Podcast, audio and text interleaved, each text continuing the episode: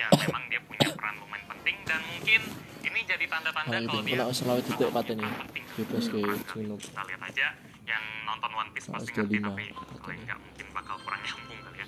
Terus di sini ada oh ini jadi lambang-lambang dari krunya si bajak laut mobil Jerami di sini ada kostumnya Luffy, Zoro, ya Nami, Usopp gitu-gitu.